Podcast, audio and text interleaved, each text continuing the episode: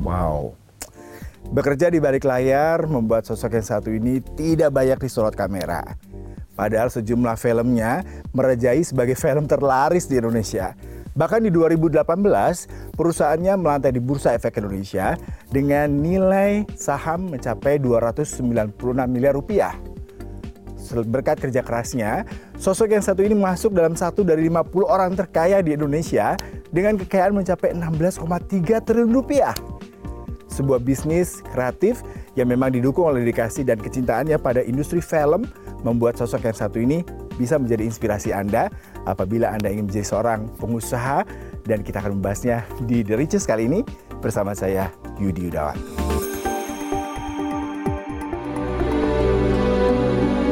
Nan, please. Lo cerita sama kita sebenarnya ada apa sama lo dan Aris? Kayaknya Mas Aris selingkuh. Ainun,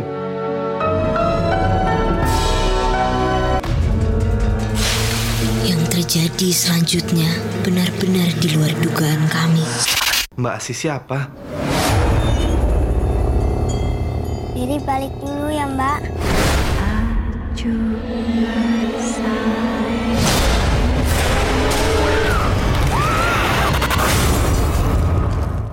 Kiprah sosok yang satu ini tidak perlu diragukan lagi dalam industri hiburan, baik itu sinetron maupun film di tanah air. Bahkan ia dijuluki sebagai King of Soap Opera dan juga movie. Hmm, penasaran seperti apa ya? Dan yang terakhir ini sempat jadi perbincangan karena PT MD eh, Entertainment ataupun MD Picture ini bahkan Santer katanya akan mengakuisisi salah satu dari emiten di dunia hiburan dan media di Indonesia. Nah, langsung saja kita berbincang dengan pendiri dari MD Entertainment, Bapak Manoj Punjabi. Selamat pagi Bapak, terima kasih Selamat sudah disambut pagi, lagi terima di CNN kasih Indonesia juga. Business. Thank you, thank you, CNN. Iya, Bapak Terima ini kasih. langsung saja to the point, Pak. Pertanyaan saya terkait dengan emiten nih ya, film sendiri. Apakah benar Pak akan mengakuisisi net itu Pak? Enggak, tapi gini loh, kayaknya itu berita Santer banget tuh Pak. center ya. Ya. Ya enggak lah. Berita itu belum ada any corporate action dari kami uh, dari MD Pictures uh, belum ada corporate action, tapi yang pasti kan tahun lalu kita udah ada rights issue. Jadi ada planning of growth. Uh, akan ada sesuatu yang besar, tapi apa belum tahu dulu. Nah, sesuatu yang besar nih pasti semua filmnya box office ya Pak. Selain mungkin para pemirsa CNN juga pasti nonton filmnya karya dari MD Picture ya. Terakhir ini juga sampai mencapai lima, hampir 5 juta ya Pak Hampir ya. 5 Nah juta. ini eh, salah satu mungkin strategi bisnis yang akan ke depannya dan membuat Bapak jadi satu dari 50 orang terkaya Indonesia versi Forbes Indonesia ya Pak ya.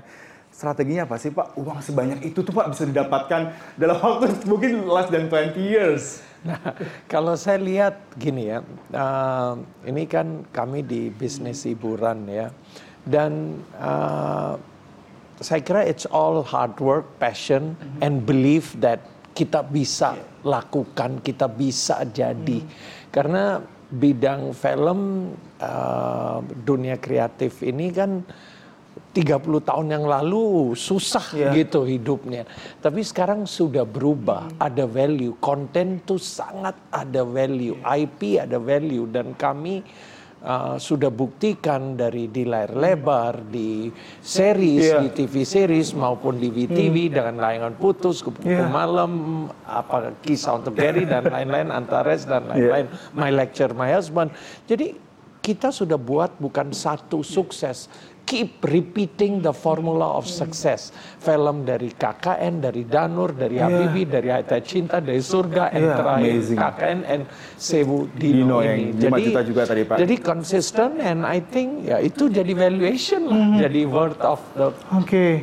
Company and Wah, the mungkin pemirsa CNN tidak banyak yang tahu ya Pak. Bapak memulai usahanya justru bukan di film, meskipun keluarga di film ya Pak. Bisa sedikit cerita nggak Pak? Tadi saya baca eh, kepekan ya tuh informasi bahkan kerja di pulp and paper, kemudian Iya. juga sempat buka usaha tekstil gitu Pak. Ya. Gimana Pak? Jadi waktu saya lulus dari kuliah, saya di IU, Indonesian European University di Jalan Blora dulu. Jadi saya lulus kuliah saya masuk ke bisnis mau coba kerja di pulp and paper uh, Indakiat Sinarmas tiga bulan udah dipecat. Kenapa nih? Sekelas Pak Marus dipecat? Kenapa? Pak? Karena nggak passion atau karena? ya mungkin saya orangnya ini ya nah, mau kerja tapi kalau nggak ada di hati dan umur berapa itu? Umur tahun umur 21 jadi masih mungkin belum dapat. Jadi saya percaya mungkin kalau saya bisa rewind Iya. ya uh, dulu di sekolah kayak apa ya yang anak bandel nggak pernah mau kerja jadi kayak uh, a different Iya. person. Waktu lulus kuliah tuh pengen jadi tapi orang yang nggak ada passion mungkin jadi saya nggak bisa fokus. Jadi kayak anak yang nggak pinter kerjanya. Ya untung juga dipecat jadi lebih gampang. Dan belajar dari sana. Itu kan jadi wah gue malu juga nih. Gitu. Jadi itu jadi motivasi untuk always mau buktikan. Masuk ke bisnis tekstil karena bisnis film dibilang sama orang tua ini bisnis udah lagi hancur, lagi puruk-puruknya Iya. film Indonesia di tahun 90-an. Dibilang enggak, saya tuh mau banget, passionate banget untuk bisnis ini. Dari umur 7-8 tahun saya udah tahu saya mau jadi filmmaker. Sebelum tahu artinya filmmaker mungkin.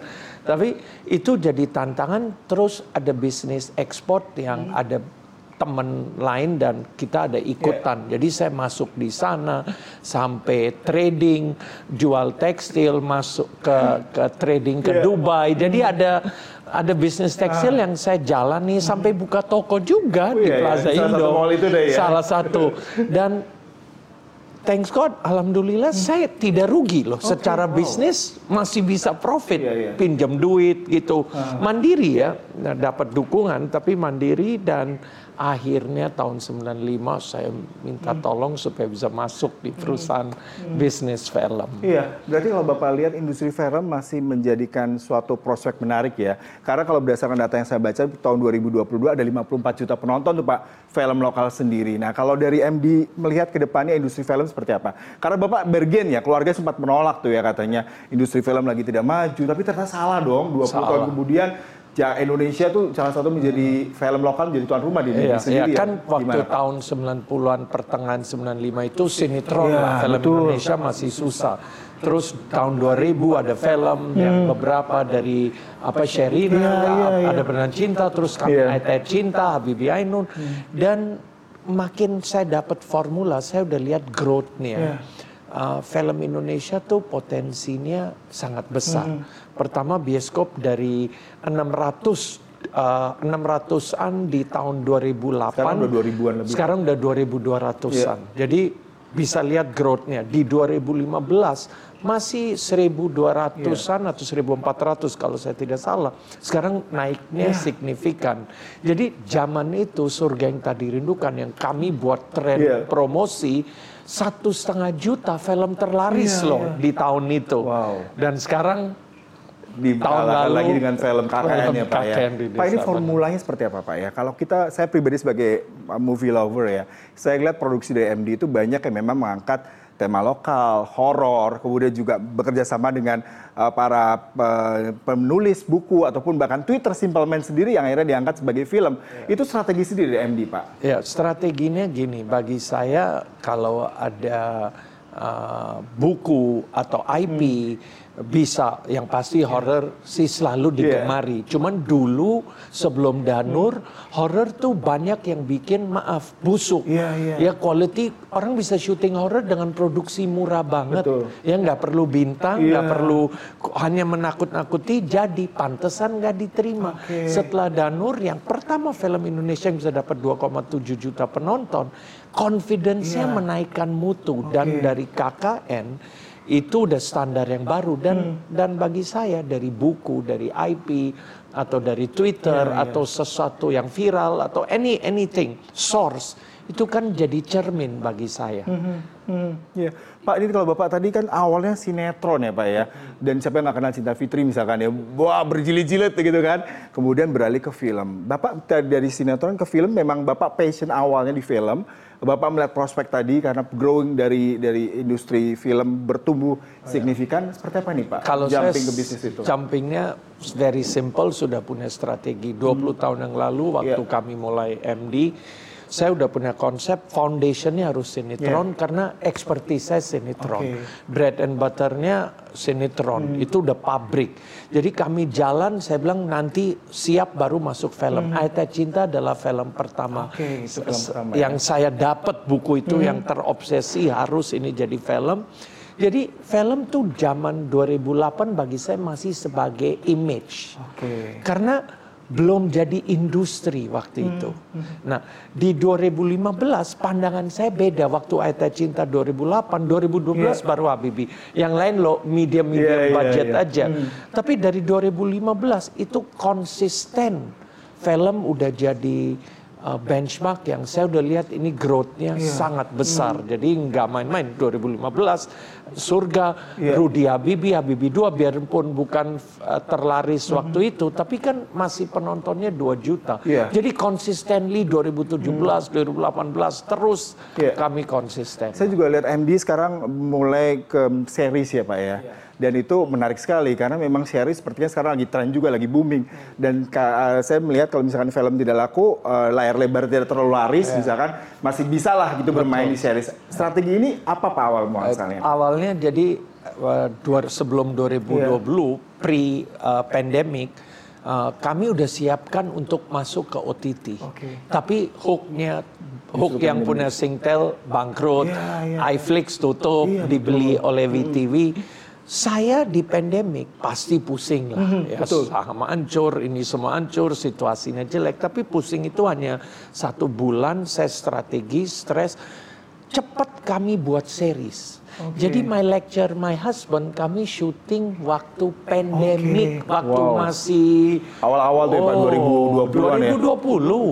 Film itu series jadi, ketemu Reza Prilly kita Hmm. syuting, series itu jadi langsung diambil VTV. Jadi Oke. nomor satu, bukan bukan seriesnya nomor Iya. satu, app-nya nomor satu Oh. karena orang mau nonton. Jadi Iya, iya, iya. saya sudah tahu bahwa kami sudah cepat pivot bahwa Uh, gue mau masuk ke sini, bukan gue mau masuk, gue udah tahu harus masuk. Hmm. Akan- ke sini. akan ada perubahan, Akan jadi transformasi, besar, iya. transformasi digital pasti inevitable.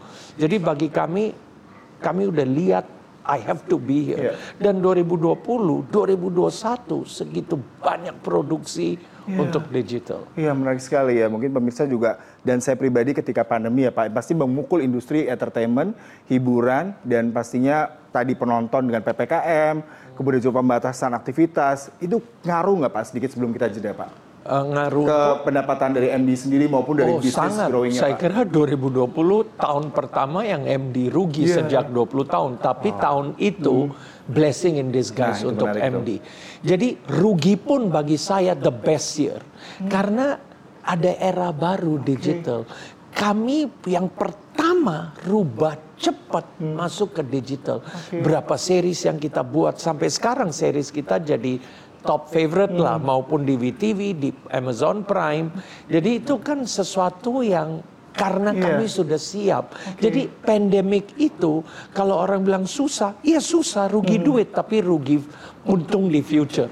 Wow itu menarik sekali. Berarti sebuah strategi dari Jadi MD. kadang kalau kita merasa kita rugi sekarang, itu bisa jadi opportunity ke depan gimana kita bisa apa ya berubah dan mau change. Berarti lah. harus beradaptasi, harus segera Beradaptasi. agile dengan kondisi ya Pak ya dan bisa Betul. mengambil peluang justru. Nah, Betul. mungkin pemirsa CNN Bisnis Referensi masih penasaran seperti apa perbincangan dengan Pak Manos Punjabi terutama tadi nih strategi kemarin ketika pandemi tapi tetap masih untung, masih tetap dapat cuan dan bagaimana merubah strategi dan membaca situasi itu hal yang menarik yang bisa kita bincangkan nanti setelah jeda berikut.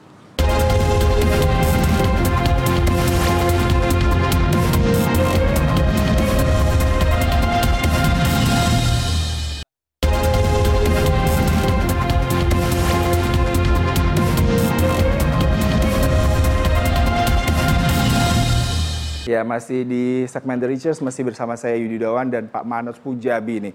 Dan Kotya MD dia Pak. ya. Pak, kalau tadi ketika pandemi justru dapat untung, tapi justru bisa melihat prospek ke depannya. Itu bagaimana bisa membuat pikiran positif seperti itu Pak? Dikala semua pasti lagi kolaps. Uh, benar, padahal jujur ya, waktu pandemik itu bulan Maret bioskop tutup. Uh, bulan April itu kami nol revenue, iya. cost-nya nggak turun, Iya. sudah pasti. Dan saya punya income 98% atau 97% dari bioskop. Betul. Ya, udah perusahaan sahamnya hancur terpuruk lah situasinya. Dan saya punya keyakinan bahwa uh, setelah strategi sudah Hmm. renungkan, mikir ya bahwa saya percaya bioskop nggak akan tutup, itu satu. Yeah.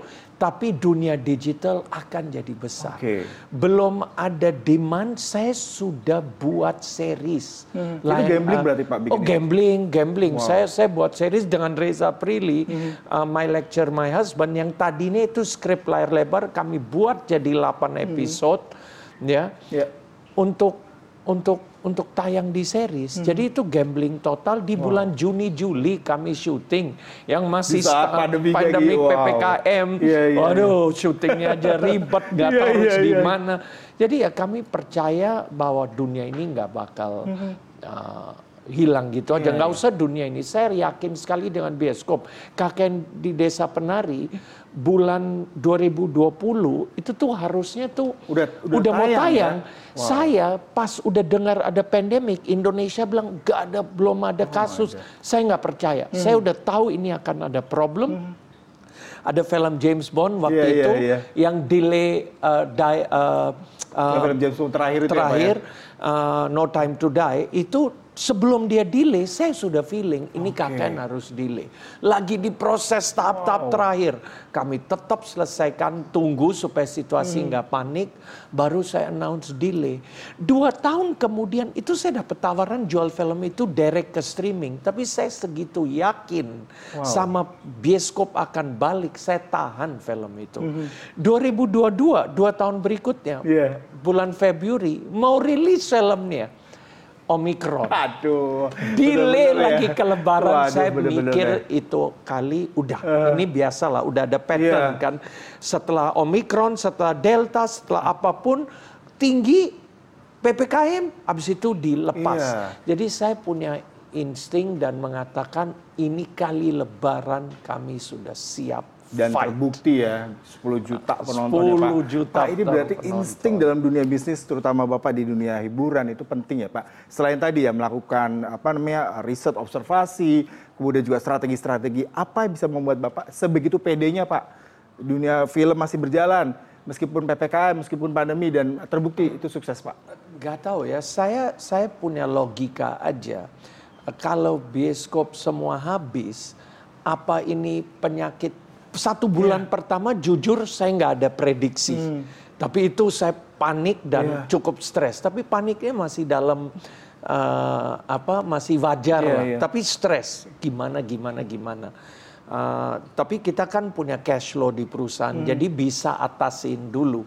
Setelah itu saya pikir bioskop nggak mungkin tutup. Nggak tahu saya punya logikanya bahwa nggak mungkin ini pandemik ber- berjalan terus dong. Emang mau end of the world? Iya, iya, iya. Enggak lah. Kan kita awal mikir negatif. Setelah itu saya punya pemikiran ini bukan end of the world. Akan jalan tapi tunggu timing. Saya punya strategi jalankan ke series. Karena saya udah pikir work from home ini jadi uh, jadi opportunity OTT grow, digital grow. Itu yang jadi saya gerak cepet ke series. Udah ada planning dari satu dua tahun yang lalu, tapi belum ada demand. Wow. Jadi saya sebuah simalakama ini jadi sign lakukan itu. Wow, itu sebuah sign yang tepat ya Pak. Karena di industri eh, apa pun ini butuh keberanian untuk tadi gambling, untuk ambil keputusan. Meskipun kadang-kadang beresiko tinggi juga ya Pak ya. Nah Bapak tadi apakah ini semua diajarkan dari keluarga Pak? Terkait dengan bagaimana Anda berani mengambil resiko, kemudian sense of business ya, strateginya. Ah, kalau lihat sih keluarga saya bukan tipe yang mau ambil resiko tinggi. wow, justru ya. Tapi saya memang mungkin ada jiwa penjudinya. Jadi ada gitu ya. Ada, ada, ada. Jadi bagi saya ini udah jadi adrenalin. Oke, wow. Daripada orang suka bilang ke kasino atau main. Ini saya udah nggak nggak judi saya jujur di film karena film kita nggak bisa tahu ini mau satu juta, mau dua ratus ribu atau mau Iya, lima iya. juta nggak ada. Tapi sekarang judinya apa? Kita bisa takerin film ini punya ini film bisa dapat 3 sampai 5 juta. Hmm. Oke, oke. Nah, itu formula. Kayak Sewodino, saya ngomong sama wartawan yang Ah. mengingatkan Iya, iya. saya di gala primer, Pak, prediksi ini apa? Saya bilang 3 sampai 5 juta. Oke. Waktu udah tembus 3 juta, dia yang ingetin Iya, saya iya. bahwa ingat nggak? Anda bilang 3 sampai 5 dan Hmm. filmnya dapat 4,870. Nah, itu bagi saya. Nah, jadi saya ngerti formula.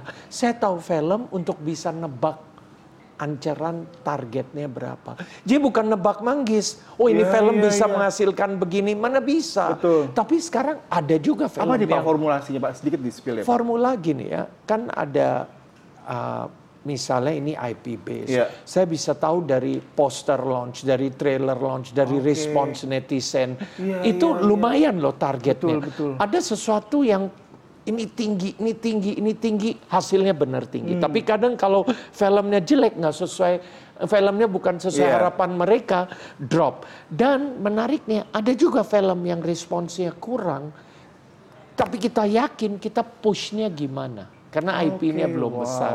Jadi ada banyak faktor, banyak variables yang kita harus bisa ya. pertimbangkan. Wah menarik sekali variabel-variabel yang mungkin sebelumnya 20 tahun lalu orang tidak terpikirkan ya untuk di industri Oh, hiburan dan iyalah. film Jauh. maupun di series ya Pak ya. Ya selain strategi tadi ya Pak formulasi bagaimana bisa bertahan, bisa mencari peluang series digital. Tapi pasti saya juga penasaran, pemirsa juga penasaran.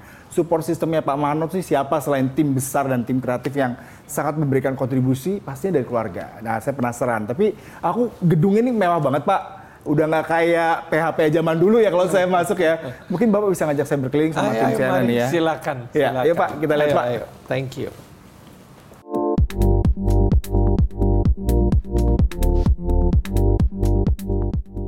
Berarti ini walk of fame-nya dari MD dari prestasi Bapak juga ya. Proses yang uh, semua presiden uh, waktu jabatan ada yang nonton Iya, terus film Amazing. MD. Dan ini semua adalah award yang diberhasilkan oleh MD dan Yes. Bapak juga dapat award juga tentunya ya. dapat award dan prestasi penonton terbanyak, series terbanyak ya itu itu selalu jadi prestasi Iya, besar. betul. By the way, tadi lagi itu ngomongin dia keluarga kan. kan. Kebetulan ada Shania. Nah, langsung ketemu Ibu ya ayo, dalam ya. ketemu ibu. Baik, Pak. Ayo, mari, mari.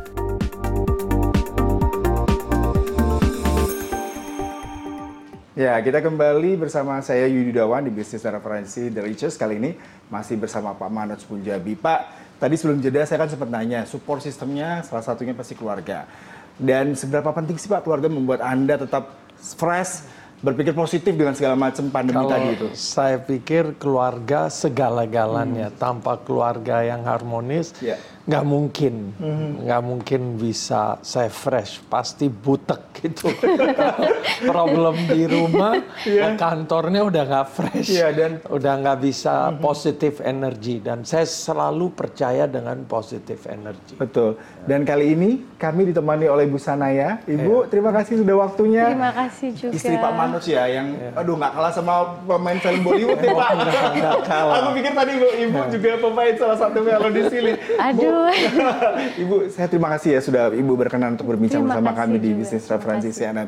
Kalau tadi Bapak bilang support system pasti keluarga Ibu dan putri-putri dan keluarga pastinya ya. Apa yang Ibu bisa berikan kepada suami? Apakah Ibu berkecimpung di industrinya juga? Seberapa besar Bu peran dengan Ibu nih?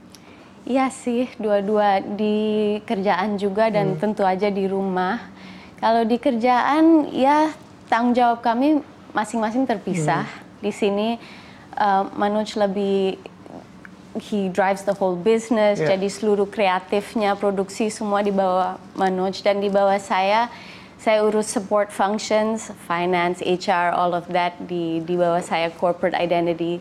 Jadi kita di kantor mungkin jobnya sangat terpisah, which is a great thing karena we each have our own responsibility. Tapi juga ada tim inti yang sedang kita, I mean sering kita diskusikan hal-hal strategis, where's the company going, um, directionnya ke mana. Jadi I feel saat pulang, saat kita diskusi di rumah, saya sangat nyambung, saya bersyukur sangat nyambung dan uh, ngerti apa yang dibicarakan gitu supaya we can really be a bouncing board for each other as far as MD is concerned Iya. gitu. Tadi ibu bilang ibu bagian finance ya. Film industri yang mahal ya ibu ya. Gimana nih bisa match dengan bapak pasti wah kreativitinya, imajinasinya bikin film maunya kayak gimana gitu. Tapi ibu wah ngomongin masalah duit nih. Jangan banyak nih keluar ya harus harus dapat nih uh, cuannya gimana nih bu? Ah, nggak nggak nggak seperti itu juga sih. Kontrol pasti kontrol, tapi um, creative freedom is all his. Ya, but- Lebih formulanya Gimana? kan ada saying uh, behind a successful man there is a woman. Jadi ini tepat Itu nih. terbukti Terbukti. Ya. Nyambung, chemistry-nya nyambung. Jadi mau ke sini arahnya ngikut gitu. oke. Jadi biarpun ngikutnya juga kalau ditanya advice ini gimana nih kita boleh lakukan bukan dari business advice mungkin uh, ada strategi Iya. atau ada akuisisi yang besar atau ada hal yang besar itu kan perlu brainstorm dipikirkan Iya. dan dan bisa ada devil's advocate-nya untuk Iya. untuk bouncing board-nya. Jadi kita ada tim juga ada management team tapi selain management team ada tukar pikiran yang di high level karena uh, ngerti bisnisnya dan involved di bisnis. dari awal juga sih. Jadi at least we really understand each other dan kadang it's not just business advice, business knowledge tapi instinct ya. Iya. Karena kan saya sering ketemu juga sama orang-orang yang bertemu dengan Manoj dan sometimes you get that feeling. Mm-hmm. Oke, ini tepat kayaknya. Mm-hmm. Termasuk Kalau- ketika papa mau gambling di pandemi kemarin bikin series. Oh itu ibu sempat sa- khawatir nggak sih bu? Enggak, saya Tiba-tiba gimana waktu itu gitu? Hmm. saya sangat percaya banget karena instingnya kuat sekali, etika bekerjanya kuat sekali dan saya juga sangat-sangat percaya dan setuju saat itu that we knew the digital revolution is coming. Itu kita udah tahu, tapi how fast it came Iya, iya. dan itu karena kita udah siap, that was a big opportunity for us. Hmm, Did you feel worry for the first time bu ketika pandemi itu? Worry iyalah, everyone worried. Kan kita when the unknown is there, you worry. You like ini ber- akan berlangsung how long dan you know what's gonna happen. Tapi kita tetap aja we were in a position of um, I mean kita sangat grateful dan bersyukur that we were still better punya off. posisi gitu. tahu mau ke mana. Iya, Jadi and we were ready. lebih ke gimana move apa? oke. Saya lebih mau jalan ke mana nih? Bioskop Iya. tutup, income dari sana. Iya, at that Saya udah- time film was Nol. Oke. Eh, itu itu tinggal kemauan dan saya puasnya kami bisa strateginya ke digitalnya larinya kayak seolah-olah udah 300 km per Iya. jam bukan 120 Iya. jadi itu kan cepat deh itu yang jadi menarik gimana waktu ada kita lagi susah gimana bisa lihat ada peluang kalau kita di dalam saya selalu bilang di dalam tunnel ya kita bisa cari cahaya Hmm. Iya. lampu itu nggak Light ray ya, of tunnel itu, light-nya Pak. itu Oke Pak, ini upcoming movie ya Bapak sama Ibu mungkin spill sedikit ya buat para pencinta film dari MD. Apa aja sih Pak? Sedikit Pak di tahun ini Pak. kami Wah, ada banyak. film banyak ya tahun ini ada Ganjil Genap ya dari Bene itu menarik Iya. sekali komedi romance bisa very relatable. Terus yang bulan Agustus ada uh, catatan si boy. Reboot Wah, keren, reboot keren. ya.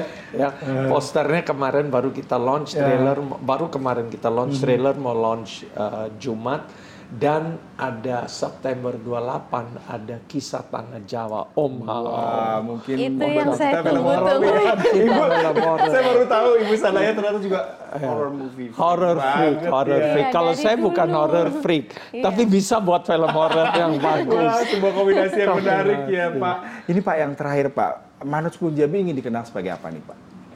Kalau saya gini ya, saya selalu kan punya ambisi yang positif ya bahwa di dunia nah, hiburan ini film Indonesia kita belum masuk di Kita industri aja belum, tapi sekarang mulai berkembang.